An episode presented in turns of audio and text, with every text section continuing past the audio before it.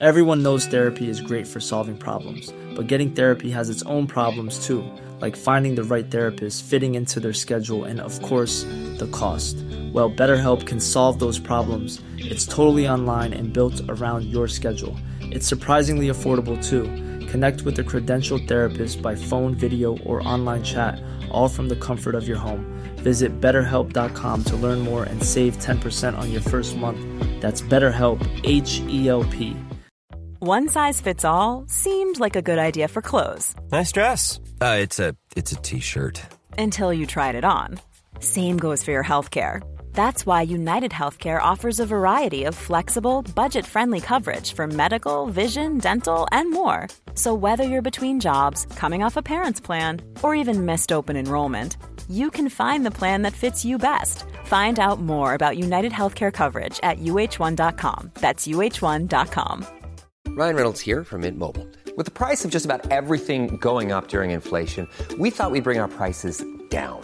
So to help us, we brought in a reverse auctioneer, which is apparently a thing. Mint Mobile unlimited premium wireless. Ready to get 30, 30, bit to get 30, bit to get 20, 20, 20, bit to get 20, 20, bit to get 15, 15, 15, 15 just 15 bucks a month. So, Give it a try at mintmobile.com slash switch. $45 upfront for three months plus taxes and fees. Promo rate for new customers for limited time. Unlimited more than 40 gigabytes per month. Slows. Full terms at mintmobile.com.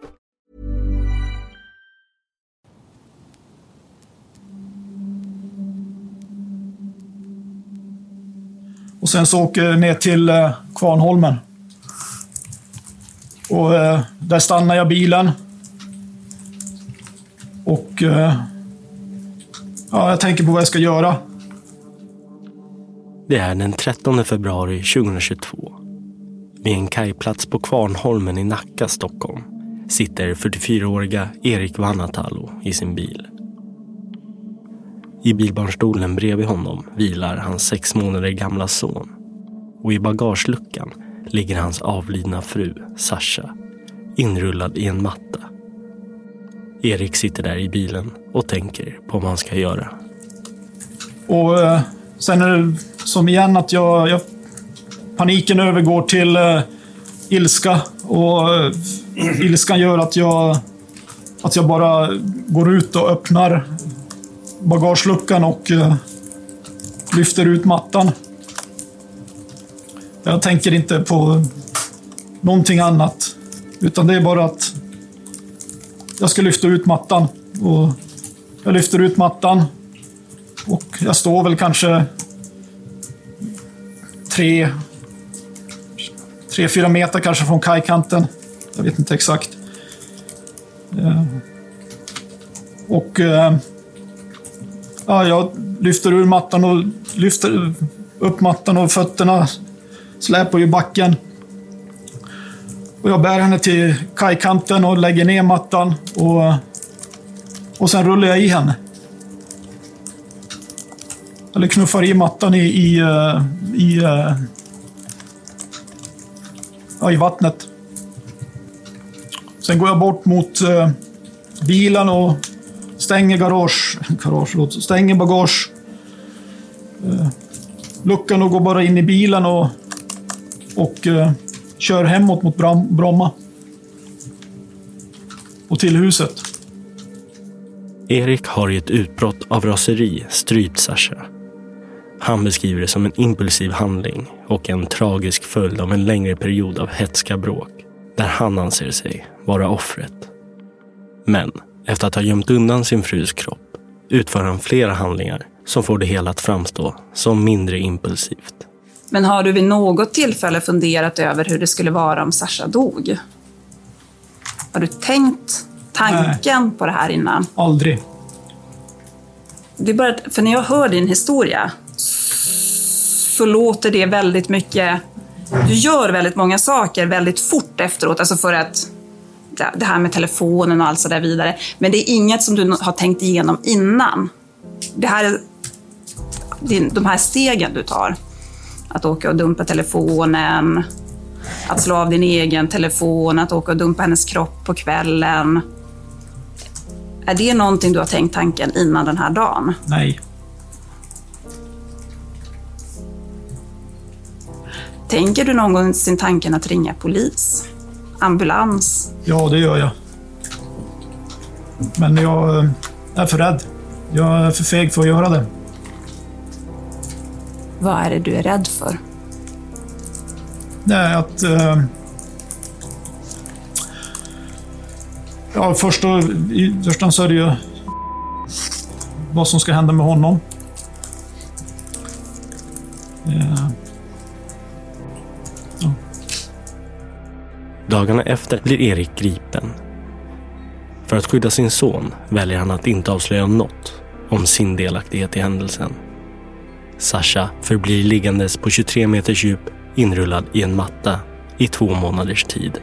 Ja, Du nämner genomgående här i ditt förhör att verkar vara prio ett och det är honom du tänker på i första hand. Men när jag lyssnar på dig så, så får jag uppfattningen att det är du som är prio ett. Det är du som kommer i första hand. Det är du som ska undgå ett långt fängelsestraff.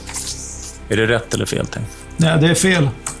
Eh, Men det var liksom ingen diskussion på något sätt. Alltså absolut ingenting som skulle uttrycka att han saknar sin son eller att, nej. Alltså sonen var inte aktuell på något sätt. Det var ingenting som var aktuellt, han sa ju ingenting. Tack, det var den frågan jag hade. Du lyssnar på Rättegångspodden och på den första av tre delar om strypmordet i Bromma. Mitt namn är Nils Bergman.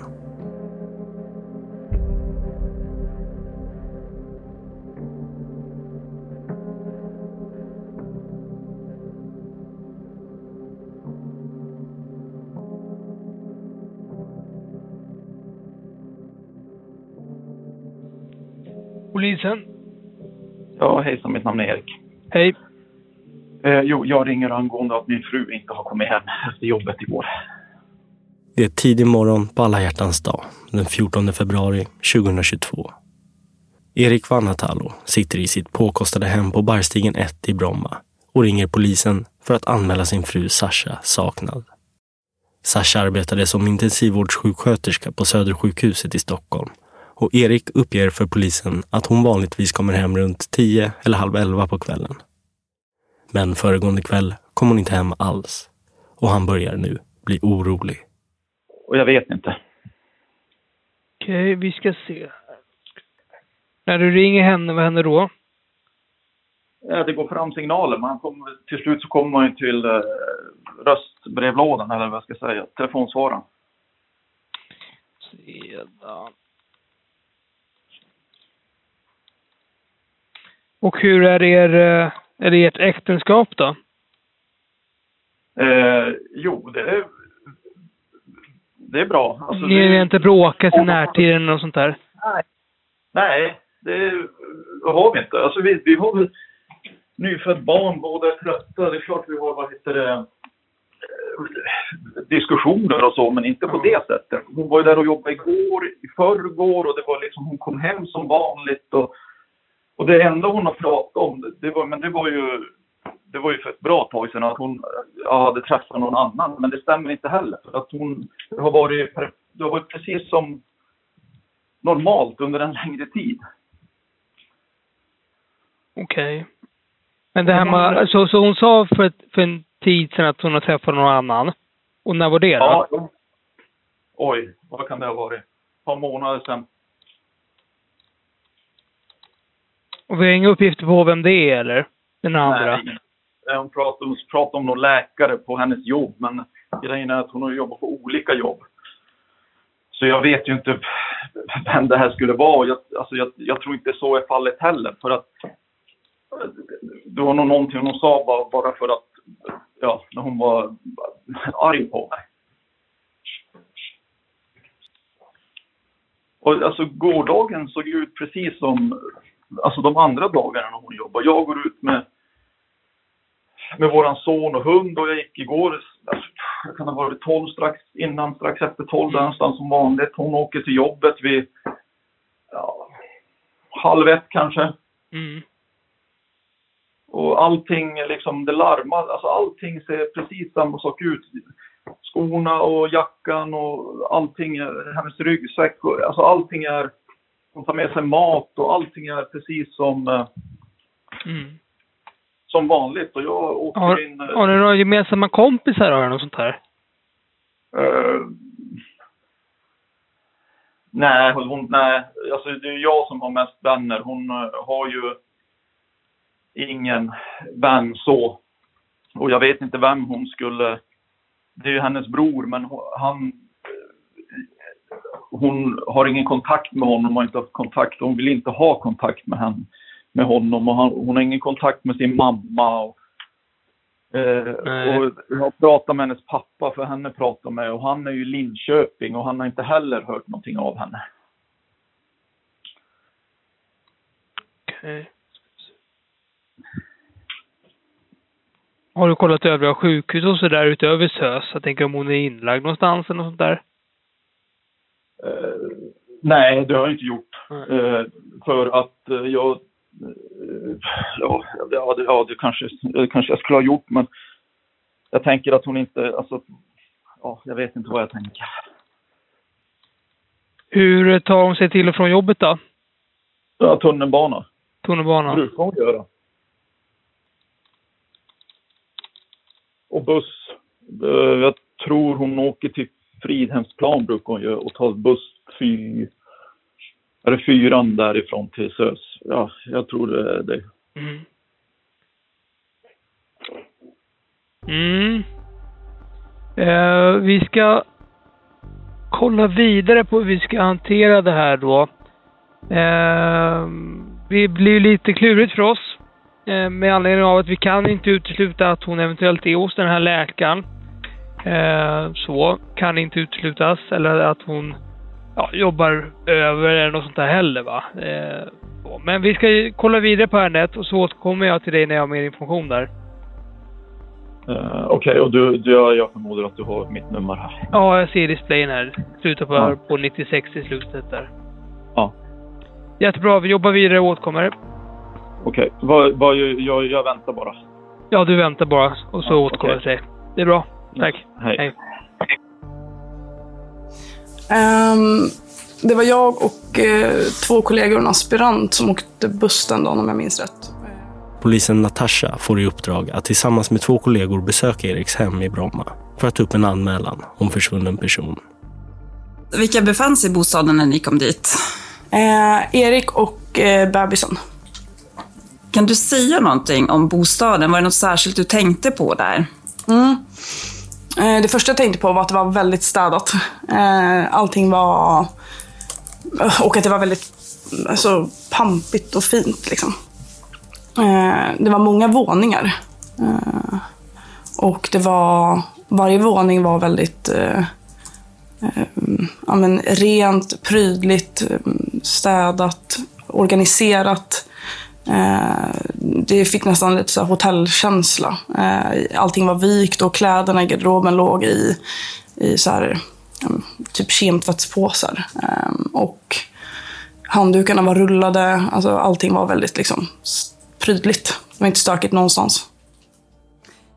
Och om vi börjar där, om du ska beskriva, hur, hur uppfattade du Erik? Vilken information fick ni av honom? Hur uppfattade du hans sinnesstämning? Mm. Ehm, jag har för mig att det var min kollega Lundberg och hans aspirant som gick in först i bostaden, alltså vid huvudentrén som är en, en liten trappa upp. Och sen så kommer jag och min kollega Jannike efter. Ehm, och de, Lundberg och hans aspirant pratar nog lite mer med Erik till en början. Eh, Medan jag och Jannike påbörjar ett närsök. Eh, det vill säga att vi går runt i hela bostaden och tittar efter platser. För när allt vid försvunnen person så kan det vara så att eh, det kan vara sjukdomsfall eller någon som kan ha gömt sig frivilligt. Eller, ja, vi utesluter alltid i, liksom, i bostaden. Eh, så vi började med det. Eh, och när vi hade gjort klart det, tror jag i den ordningen, ehm, så möter vi också upp eh, i hallen. Eh, och Erik ska gå ut med hunden. Ehm, så jag står kvar med bebisen i badrummet som är precis till höger om jag minns rätt vid ingången. Mm, för han lägger bebisen på golvet. Eh, så jag passar väl bebisen lite grann så. Medan eh, han går ut och, och rastar hunden precis utanför. Och sinnesstämningen under hela den här eh, närköket och de tillfällena som jag var med Erik var väl att han var eh, ja, men stressad, lite förvirrad och vankar ganska mycket fram och tillbaka. Um, ja, det var väl det jag lade märke till. Att, och så kommer jag ihåg att jag bara tänkte på att eh, när han gick ut med hunden, om att han trampade i hundbajs och kom in och tänkte inte på det. Och, ja, men det var lite så här virrigt liksom. Pratade du något med Erik om vad han trodde kunde ha hänt eller om det fanns ja, någonting som kunde leda till något? Vi pratade kort om, jag vet inte riktigt hur vi kom in på det, om det var jag som initierade det eller om det var att han hade nämnt någonting kring att hon träffat någon annan man tidigare eller något sånt. Eh, om det skulle vara, kunna vara så att hon frivilligt hållit sig borta, om de haft det dåligt i relationen, att, eh, om att hon har träffat någon ny och är där. Um, och sen så pratade vi lite, mina kollegor pratade lite om, om hennes tidigare jobb. Så när jag kommer ner och ansluter så eh, kommer Erik med något eh, anställningspapper eller något, något liknande. Jag tittade aldrig på papperna själv men som skulle visa på vart hon hade jobbat. Vad var din känsla efter det här? Efter att du hade varit på Bergstignet och du hade pratat. Vad tänkte du? Alltså min känsla var väl mer att det här var en man som var stressad, orolig, förvirrad. Alltså likt många situationer när någon är försvunnen. Alltså det är väldigt svårt att urskilja vart liksom... Men jag, jag upplever det som, som rimliga reaktioner på om ens närstående skulle vara borta. Jag jobbar ett eh, och Eh, jag ska gå av. Jag har jobbat kvällspass. Eh, och eh, då är det en kollega till mig som får en, eh, ett ärende om en försvunnen person på sitt bord. Natasha och polisernas anmälan om försvunnen person hamnar senare samma dag hos Hanna som är relativt ny i sin tjänst på krimjouren. Hanna har ansvaret för att koordinera utredningar, svara på förfrågningar om den försvunna personen och upprätta rapporter om personens utseende, medicinska tillstånd och andra relevanta detaljer för polisens utredare. Men samtalet hon ringer till Erik kommer få henne misstänksam. Utredaren som får det här sitter och tittar lite på det och ser att det finns en eh, historik eh, mellan de här parterna. Då, att det var, fanns nedlagda misshandelsärenden. Och eh, jag reagerar på det där så att eh, jag går över till honom och ber att få titta och tycker att det här är väldigt märkligt och känner att det här känns inte bra liksom med en eh, mamma till som har ett så ungt barn som är borta och det finns en historik. Eh, så att, eh, ja, vi avslutar vårt pass och den kollegan till mig går hem men jag blir liksom kvar och går och rådgör med stationsbefälet som äger frågan om försvunna personer och ber honom att få kontakta vakthavande befäl inne på regionledningscentralen för att få pinga telefonen. Och efter, efter visst tjat så får vi göra det, så vi får en ping och eh, den är vid Fridhemsplan om jag inte missminner mig, jag är lite osäker. Men och sen så är det fortfarande så att det är så oklart så att vi fortsätter det där och vi får en till ping och telefonen har liksom inte flyttat på sig eh, som jag minns det. Eh, och det, det är så mycket oklart så att jag bestämmer mig för att eh, ringa upp anmälan vilket inte är något konstigt inom ramen för försvunnen person. Och eh, det här samtalet med Erik då har jag eh, eh med, tillsammans med min kollega Eh, och vi pratar ganska länge med Erik och då är det, det, är då det liksom knyter sig i magen lite. Eh, för att det är, det är så himla märkliga omständigheter under det här samtalet. Och i och med det så har jag för mig att skriva ett PM också. Eh, vilket man egentligen inte brukar göra i försvunnen person utan man skriver bara ihop den här anmälan. Sen är det oftast klart så.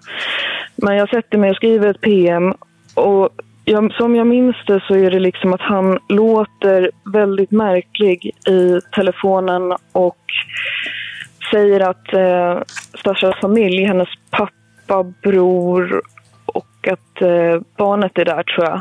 Eh, men jag, hör, jag minns inte att jag hör dem i bakgrunden men han liksom kan inte svara på mina de här standardfrågorna. Att hur såg hon ut? Vad gjorde hon sist? Kan hon vara hos någon kompis? Ska jag få telefonnumret till den vännen så jag kan ringa och fortsätta leta? Liksom. Eh, det är liksom svårt att få svar på de här frågorna. Och sen så vet jag att han beskyller också polisen väldigt mycket och, och liksom är ganska additerade. Så här, men ni gör ju ingenting och man får ingen hjälp och så vidare. Och så vidare. Och sådär. Eh, och sen så säger han att han inte kan prata för att de andra hör honom och de andra försöker instruera honom vad han ska säga. Och det här är jättemärkligt så jag lägger ganska mycket tid på att be honom att gå därifrån så vi kan prata ostört. Och säger lite så här att när man pratar med polisen då är det bara vi som pratar och ingen annan som ska höra. Och då, som jag förstår det, går han upp till övervåningen i huset och då börjar han viska till mig i telefonen. Och viska liksom att hans, hennes, Sashas bror då skulle kunna ha gjort någonting mot henne och sådär. Och att de har haft eh, problem i familjen, typ. Och jag försöker ju förstå vad det handlar om, så jag ställer ju fler frågor. Eh, och sen så till slut kokar det ner till att jag måste fråga honom om han är rädd för sin egen säkerhet. Eh, vilket jag gör. Och då säger han att han är inte är rädd för sin egen säkerhet men att brodern till Sasha absolut skulle kunna gjort illa Sasha. Att det inte är orimligt, typ, eller något sånt. Eh, och då känner jag att den här kontakten nu, nu är det så pass mycket som är oklart så vi kan liksom inte fortsätta det här telefonvägen i princip. Eh, och då har det precis varit ett sån här chefsbyte och jag har jättebra förtroende för den eh, förundersökningsledaren som tillträdde då. Så jag går direkt till honom och säger att det här, jag har nu pratat med Erik och det är jättekonstiga omständigheter. Det kan ha hänt henne något och hon har en sex månaders bebis, det finns historik. Eh, vi måste liksom få kontroll på den här situationen. Och eh, den FU-ledaren köper min bedömning kan man väl säga för att han ringer in det här beredskapsteamet som kallas Kicken eh, på en gång. Eh, och därifrån börjar de jobba och jag själv jobbar också nästan hela natten så att jag har svårt att minnas vissa detaljer av vad som hände och lite så här, vilken ordning men eh, så gott jag minns. Erik nämner att både Sashas bror och hennes mamma kan vara inblandade i hennes försvinnande. Men med tanke på Eriks och Sashas stormiga historia, som vid flera tillfällen har polisanmälts, men där anmälningarna sedan dragits tillbaka, kombinerat med Eriks avvikande beteende bestämmer man sig för att skicka ut en patrull för att gripa honom. Jag visste att det var ett ärende som var rubricerat som människorov och jag hade ingenting att göra med det tills jag fick det här uppdraget att åka och frihetsberöva Erik. Då. Mm. Vid den här tiden arbetade Jonathan som polisassistent vid utredningssektionen Informationen han får den 14 februari är sparsam. Men uppdraget är att åka ut till Erik för att gripa honom. Tillsammans med två kollegor beger de sig ut till Eriks bostad i Bromma och delar upp sig så att en person säkrar bostaden medan de andra två går för att ta kontakt med Erik. Vi hade haft kontakt med span innan så vi visste att Erik var hemma. Vi visste att bebisen var hemma. Sen hade vi också fått en uppgift om att det eventuellt var en okänd man i bostaden. Då. Och det var väl svärfadern visade sig att det var. Jonathan visar upp sin polisbricka för Erik så han kan se den. Han ser att Erik närmar sig dörren och släpper sedan in dem. Så att, eh, ja, när Erik öppnade dörren så presenterade jag mig. Sa att han började följa med in till polisstationen. Såg att det var någon eh, okänd man längre in med bebisen. Jag antog att det var svärfadern. Ehm, och eh, ja, det finns inte så mycket att säga egentligen. Erik var liksom, han var samarbetsvillig från första början. Det var inga konstigheter på något sätt. Ehm, ingen motfråga kring varför han skulle med in. Däremot så ville han ta fram ersättning till eh, barnet, så jag följde med honom in i köket. Och Sofie då, hon tog kontakt med den här andra mannen. Så vi delade lite på oss där. Och sen ville Erik, eh, för jag för mig att Erik var ganska tunt klädd. Så han ville ta på sig om det var ett par andra byxor och något sånt där. Då ville han gå ner en våning. Eh, och då tyckte jag det var en bra idé, för att jag kände på, eller jag fick liksom uppfattningen att han förstod inte att han var frihetsberövad. Det kom liksom aldrig någon motfråga där, så jag tänkte att han kanske tror att han ska in på förhör. För att den här utredningen hade väl pågått i någon dag eller två, så han hade säkert varit inne på förhör tidigare. Så jag tyckte det var en bra idé att vi försvann lite, gick lite undan där, för att jag hade ju ingen koll på utredningen på så sätt, så jag visste ju inte eh, jag visste till att börja med inte om det var hans svärfar där uppe. Eh, och Jag visste inte heller om han hade några andra utrednings uppslag eller så. Så jag tänkte att om jag ska förtydliga för honom att han är frihetsberövad så är det bra att jag gör det lite när han och jag är på tu man hand. Så att, eh, vi gick ner i någon form av tvättstugeliknande utrymme. Eh, och där förtydligade jag för honom, liksom att, bara så du vet att du är anhållen och det är därför vi ska plocka med dig. Då. Ehm, och eh, ja, gjorde skyddsvisitation där nere också på honom utan anmärkningar. Och sen, då blev han, han reagerade väl lite med förvåning, uppfattade det som, sa ingenting där heller. Ingen motfråga eller något sånt där. Jag tror att det är nog den enda personen jag frihetsberövat eller sagt liksom, du ska med in till polisstationen och så har man inte fått frågan varför ska jag det? Mm. Eh, Och sen så ja, tog vi upp honom eh, in i polisbilen åkte in till polisstationen. Eh, Han det var väldigt tyst. Det var, det var liksom inga, inga motfrågor på något sätt. Eh, eller vi frågade honom ingenting heller för den delen, men han kan eventuellt ha ställt någon fråga kring hans son. Men det kommer jag inte riktigt ihåg. Det vet jag att han gjorde dagen efteråt däremot när vi skjutsade honom till rättsmedicin. Men annars var det liksom, sa ingenting. Det var inget kallprat, och ingenting om utredningen. Ehm, det var ju samma inne i, i arresten där, för då ska man ju skriva in honom och ja, ta foton och visitera och sådana saker. Och då var det också där, han svarar på frågor, medgörlig, verkar liksom neutral, åt det mer nedstämda hållet kanske. Eh, Sen så, ja, jag vet att en läkare kom dit och gjorde någon väldigt enkel eh, undersökning och då hade han lite små skador på kroppen. Det var väl något sår upp på huvudet och sen så, jag, jag vill minnas att det också var som, det såg ut som rivsår, sen vet jag inte om det var det, men på ryggen var det liksom långa, avlånga, smala sår. Ja, någon blåmärke tror jag också det var uppe vid, strax över ena örat, uppe på huvudet där. Och sen, ja, sen var han inne i arresten och sen så kom de andra från utredningsgruppen och liksom höll förhöret. Mm. Så det var det. Väldigt, väldigt odramatiskt eh, frihetsberövande. Och väldigt odramatiskt och väldigt tyst. Och ingenting så spontant som jag kände att det här är viktigt att få ner ett PM för utredningens skull. Gripandet är odramatiskt och Erik är tystlåten. Åklagaren frågar Jonathan hur han upplevde Eriks sinnestillstånd. Jag har ingen riktig minnesbild eh, kring det på så sätt. Jag minns, eh, han, jag tror sonen var kvar inne i någon form av vardagsrum med svärfadern. Eventuellt att de eh, kom, för vi kom in från baksidan på den vänster där. Mm. Det kan ha kommit fram när vi gick med, med Erik och sagt hej då på någon vänster, men det var liksom inget det var inget avsked på så sätt och det var ingenting, ja, ingenting ja, någon enstaka, eventuellt att han har frågat vad som kommer hända med hans son. Eh, men det var liksom ingen diskussion på något sätt och det var ingen, inget, alltså absolut ingenting i stil med att eh, så skulle uttrycka att han saknar sin son eller att nej, alltså sonen var inte aktuell på något sätt. Det var ingenting som var aktuellt för han sa ju ingenting. Nej. Tack, det var den frågan jag hade. På kvällen den 15 februari förhörs Erik som huvudmisstänkt för Sashas försvinnande. Han misstänks för människorov och ber om en advokat. Och han accepterar den advokat som rätten tilldelar honom. Och förhör börjar nu inledas med Erik. Och Eriks berättelse förblir densamma under flera omfattande förhör som sträcker sig över flera veckor. Att han inte vet vad som har hänt Sasha.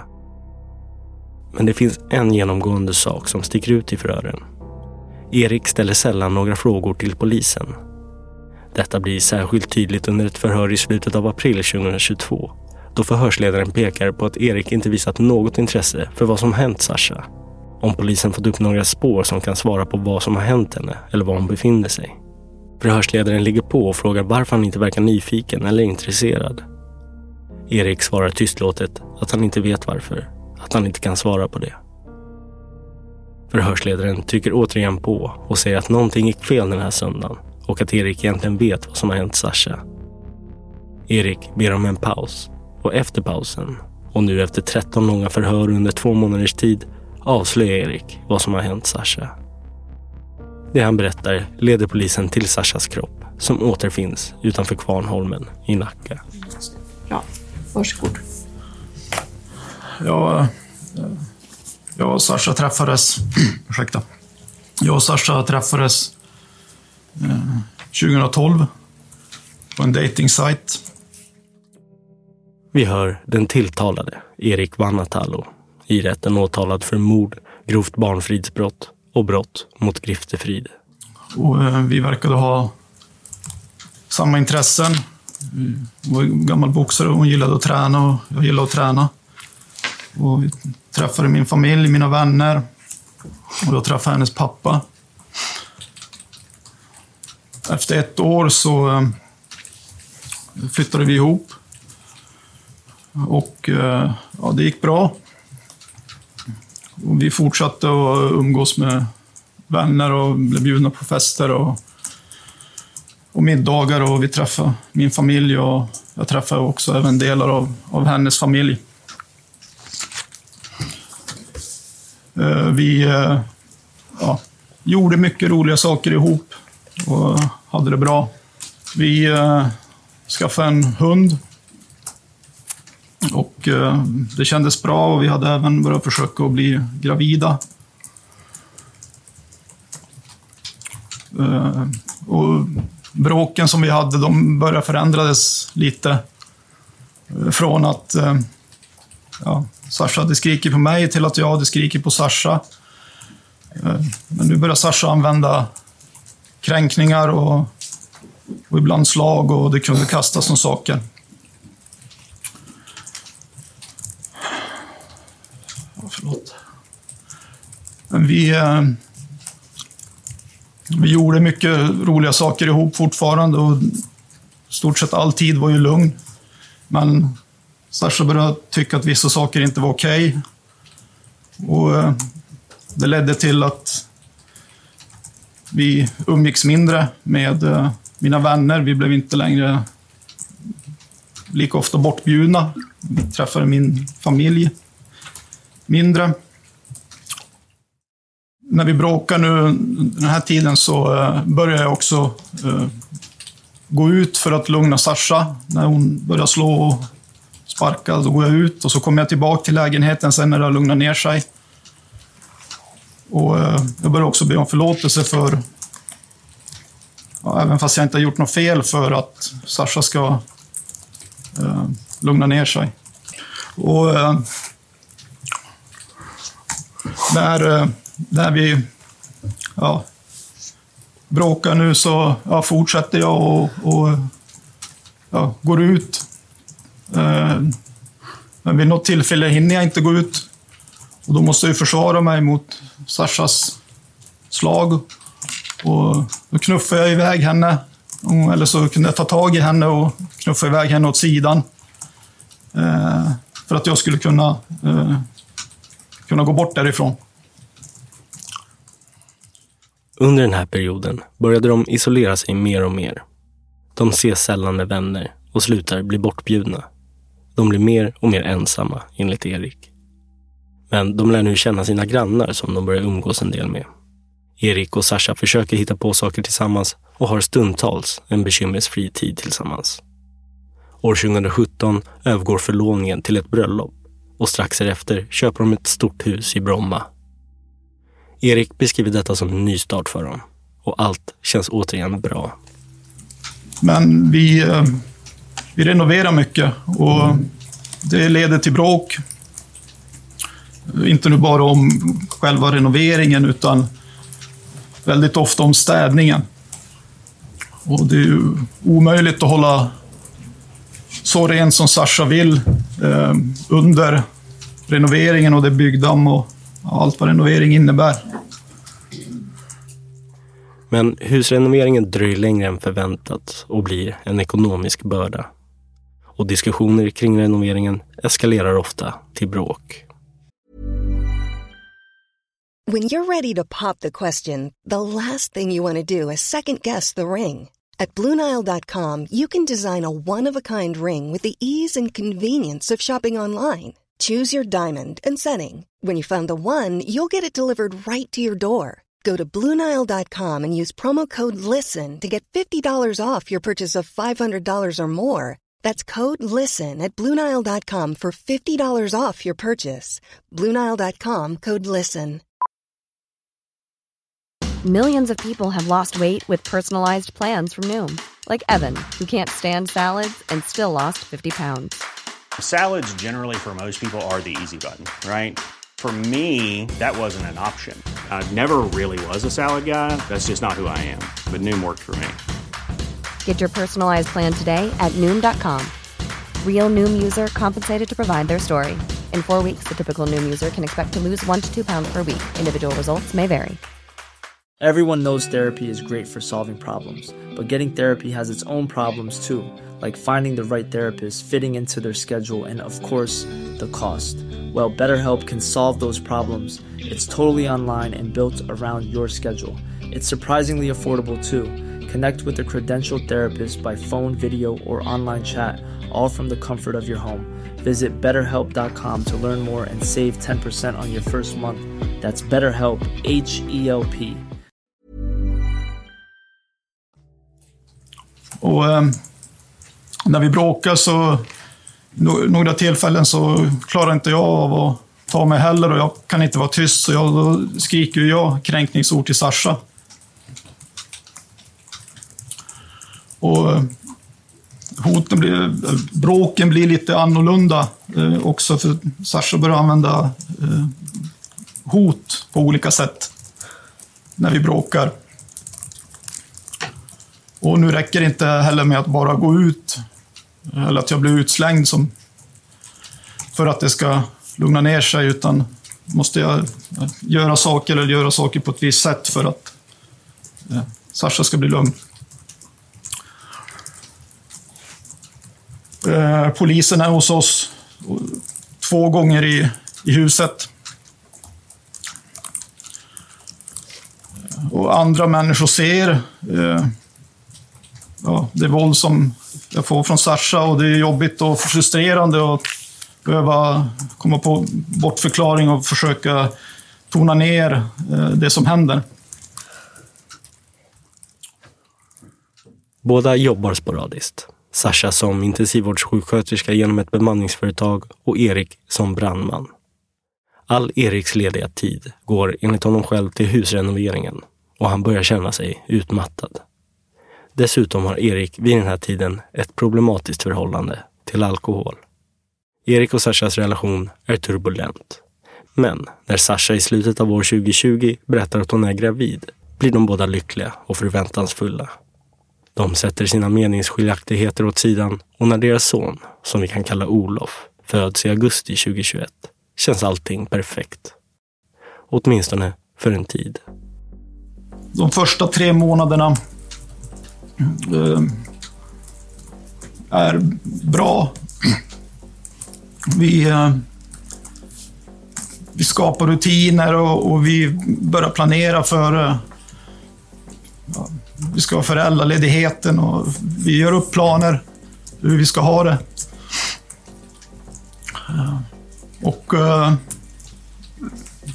de, ja, de första tre månaderna känns bra, men efter de tre månaderna så vill Sasha plötsligt inte vara hemma längre och eh, hon vill komma ut och jobba. Och eh, det slutar med att eh, ja, att, att Sasha kräver att jag ska eh, sjukanmäla mig. Och det vill jag ju inte. Eh, och jag känner att jag mår eh, dåligt av det. Och bråken eh, efter jul eh, är mycket att ingenting är mitt. Jag ska veta min plats och jag ska ut ur Sashas hus och skilsmässa. Och jag börjar dricka för att orka med situationen.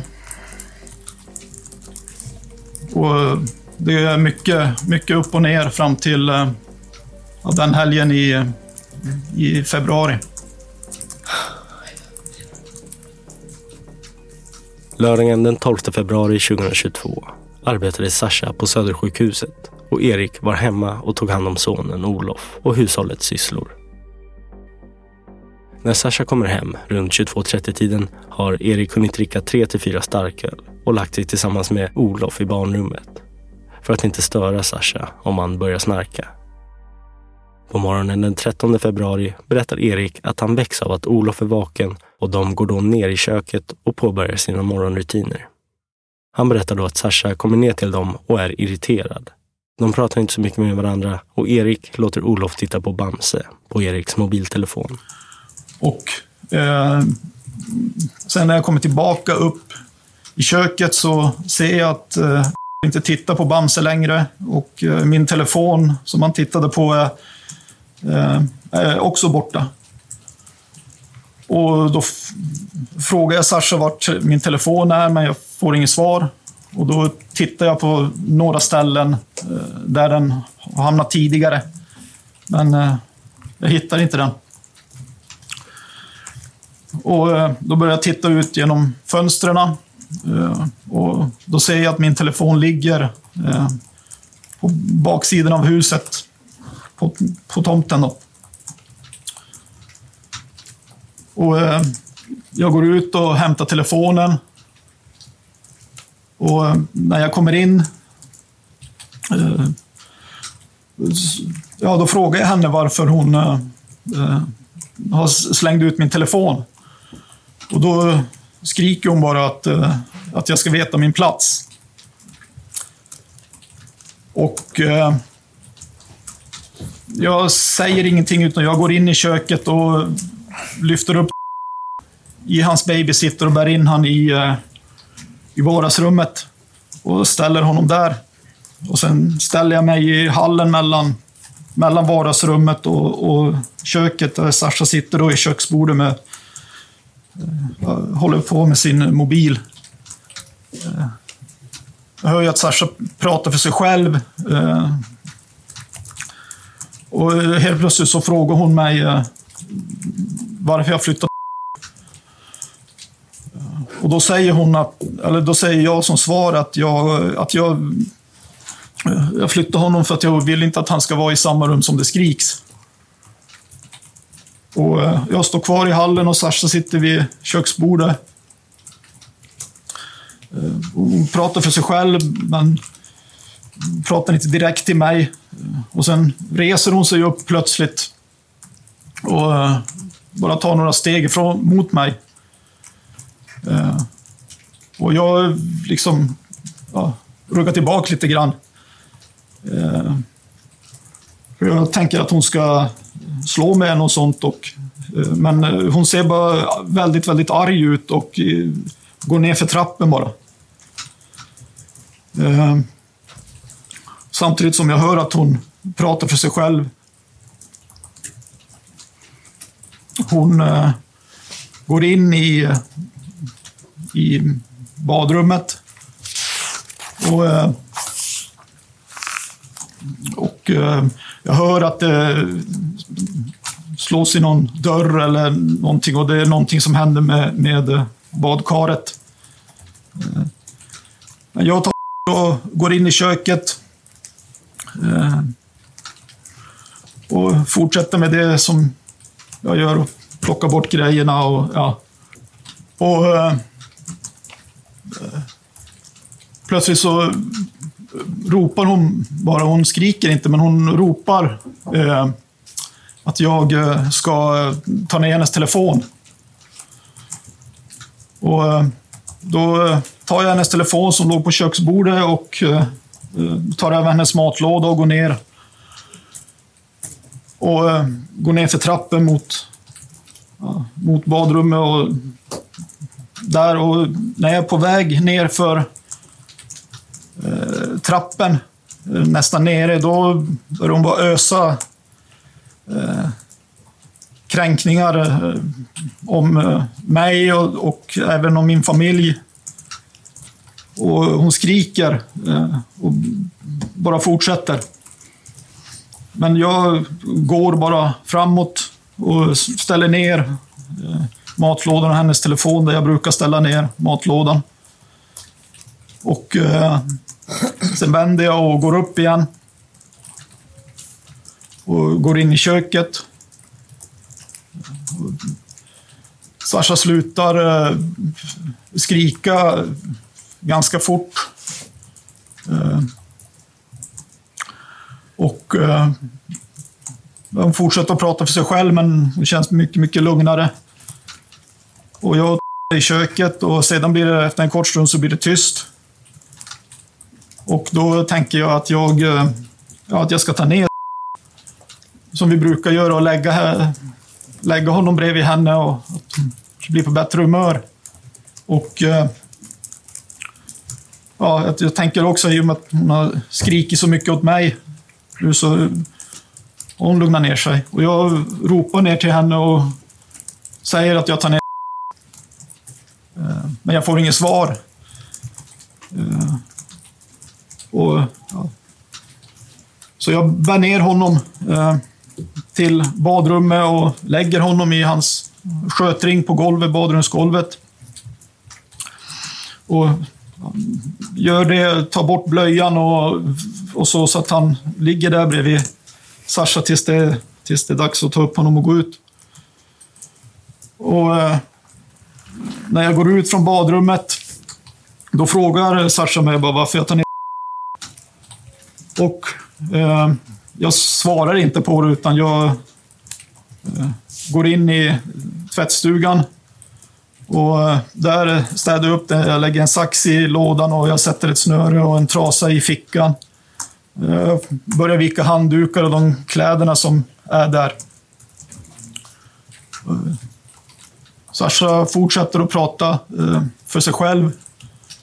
Och även till mig då, men jag, jag hör inte allt hon säger. Och plötsligt så skriker hon att jag, att jag bara ska gå upp. Att jag, inte, ja, att jag ska gå upp.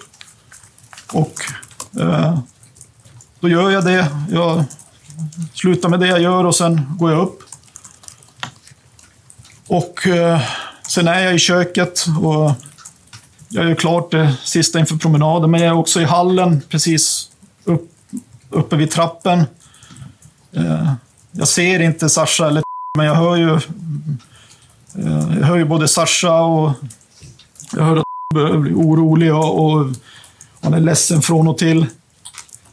Eh, och Sasha pratar för sig själv och det är inte samma, eh, samma joller eller som det brukar vara. Och jag är där uppe, jag vet inte hur länge. Jag går liksom fram och tillbaka. Jag hör att blir mer och mer ledsen och orolig. Och eh, då går jag ner för trappen och eh, går in i tvättstugan och fortsätter vika klart de här handdukarna och, och kläderna. Eh, och jag hör ju Sasha att hon pratar för sig själv och sen pratar hon också till mig. Men ja, jag hör inte allt vad hon säger. Och sen förstår jag att hon är på väg till eh, att hon kommer att komma till tvättstugan. Och då slutar jag med, med det jag gör och går ut och jag ser henne i hallen innan jag ska gå in på toaletten. Då ser jag henne i hallen. Hon, jag står där borta vid garderob och ja, Eh, och när jag går in på toaletten och går vidare till pentryt så kommer hon mot, går hon mot tvättstugan. Och eh, jag, jag gick ut från tvättstugan för att jag, jag ville inte vara i samma rum som henne. Eh, när hon är så arg och när hon har varit arg så här länge. Eh, och eh, jag står i eh, dörröppningen från pentryt ut till hallen och jag ser rakt fram. Eh, ligger på badrumsgolvet och jag hör att Sasha är i tvättstugan. Eh, och jag tänker att jag ska ta upp han och gå ut med honom. Och eh, jag lyfter upp han. Och då hör jag att Sasha kommer från eh, tvättstugan eh, skrikandes att, eh, att jag ska lägga ner och att inte jag ska röra honom. Och eh, jag står med famnen i, innan, precis vid dörren till, tvätt, eller till badrummet och Sasha står någon en och en halv meter ut i hallen kanske. Och då ser jag att hon har en sax och uh, galge i handen. Och uh, hon skriker igen att, uh, att om jag inte lägger ner den så ska hon hugga mig. Och att det är min. Och då blir jag ju rädd för jag i famnen och jag lägger ner honom. Och sen står jag kvar precis i, ja, i dörren ut till hallen. Och Sasha står ja, framför mig då en och en halv meter. Och hon skriker att jag ska gå ut och jag skriker tillbaka att jag inte vill gå ut. Eh, och jag vill inte lämna Och då skriker hon till mig att eh, ja, om inte jag går ut så ska hon hugga och döda mig. Och då eh, eh, känner jag att jag, jag måste gå ut för hon ser, hon ser galen ut. Och eh, jag går ut och jag går mot, eh, mot dörren och då känner jag två slag eh, på ryggen. Två hårda slag på ryggen. Och eh, men jag gör ingenting utan jag fortsätter att gå ut. Eh, och ja, stänger dörren.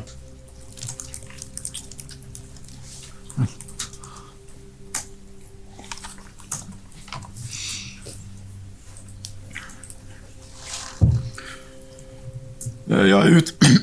Ursäkta. Jag är ute en, en kort stund. Och... Eh, eh, men jag tänker att jag måste gå tillbaka för att jag, jag, för att jag är så orolig för Och... Eh, ja, då går jag upp mot huset igen och jag går in i, i korridoren. Mm. Och jag kliver in i hallen ett par meter och då ser jag ligger i, i eh, badrummet. Och eh, på golvet där och jag hör att Sasha är i eh, tvättstugan. Och jag står kvar i hallen. Och eh, sedan kommer Sasha eh, ut från tvättstugan.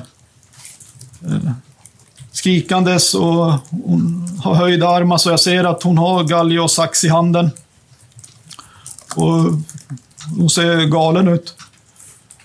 Och sedan får jag stå kvar i hallen och sedan så alltså flyger hon på mig och eh, börjar mata mig med slag. Eh, jag känner flera slag på bröstet och på axeln och armarna.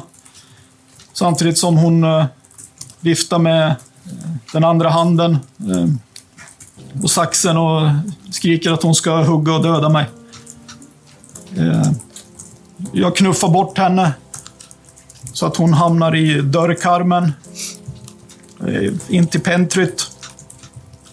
Och eh, jag står kvar i hallen och nu står jag så att jag står precis mellan badrummet och eh, Sasha. Och eh,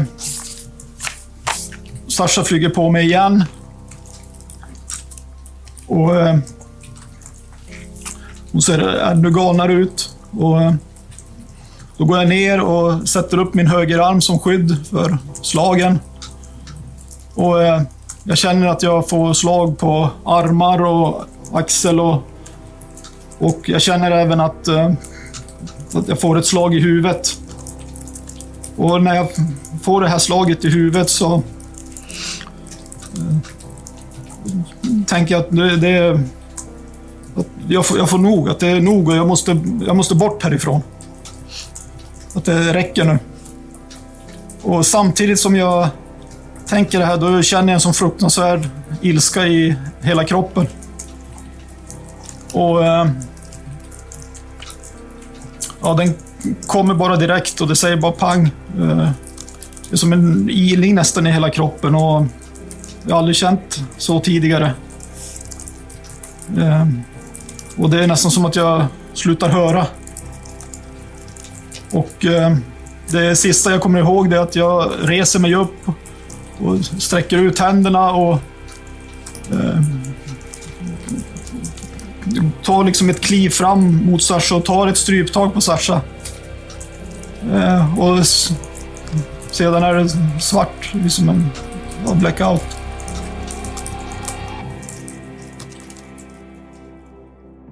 Du har lyssnat på Rättegångspodden och på den första av tre delar om strypmordet i Bromma. Mitt namn är Nils Bergman. Tack för att ni lyssnar.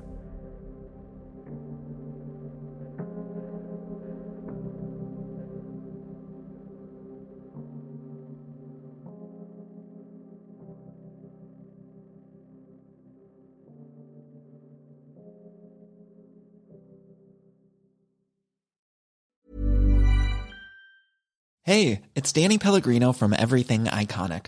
Ready to upgrade your style game without blowing your budget? Check out Quince. They've got all the good stuff shirts and polos, activewear, and fine leather goods, all at 50 to 80% less than other high end brands. And the best part? They're all about safe, ethical, and responsible manufacturing. Get that luxury vibe without the luxury price tag. Hit up quince.com slash upgrade for free shipping and 365 day returns on your next order. That's quince.com slash upgrade. Hi, I'm Daniel, founder of Pretty Litter. Cats and cat owners deserve better than any old fashioned litter. That's why I teamed up with scientists and veterinarians to create Pretty Litter. Its innovative crystal formula has superior odor control and weighs up to 80% less than clay litter. Pretty Litter even monitors health by changing colors to help detect early signs of potential illness. It's the world's smartest kitty litter. Go to prettylitter.com and use code ACAST for 20% off your first order and a free cat toy. Terms and conditions apply. See site for details. Hey, it's Paige DeSorbo from Giggly Squad. High quality fashion without the price tag? Say hello to Quince. I'm snagging high end essentials like cozy cashmere sweaters, sleek leather jackets, fine jewelry, and so much more. With Quince being 50 to 80% less than similar brands. And they partner with factories that prioritize safe, ethical, and responsible manufacturing. I love that. Luxury quality within reach. Go to quince.com slash style to get free shipping and 365 day returns on your next order. Quince.com slash style. Rättegångspodden är en Tall Tale-produktion. Ansvarig utgivare är Jonas Häger. Och Rättegångspodden görs i samarbete med Lexbase. Ange rabattkoden Rättegångspodden när du blir ny betalande medlem på lexbase.se och få tre kostnadsfria domar.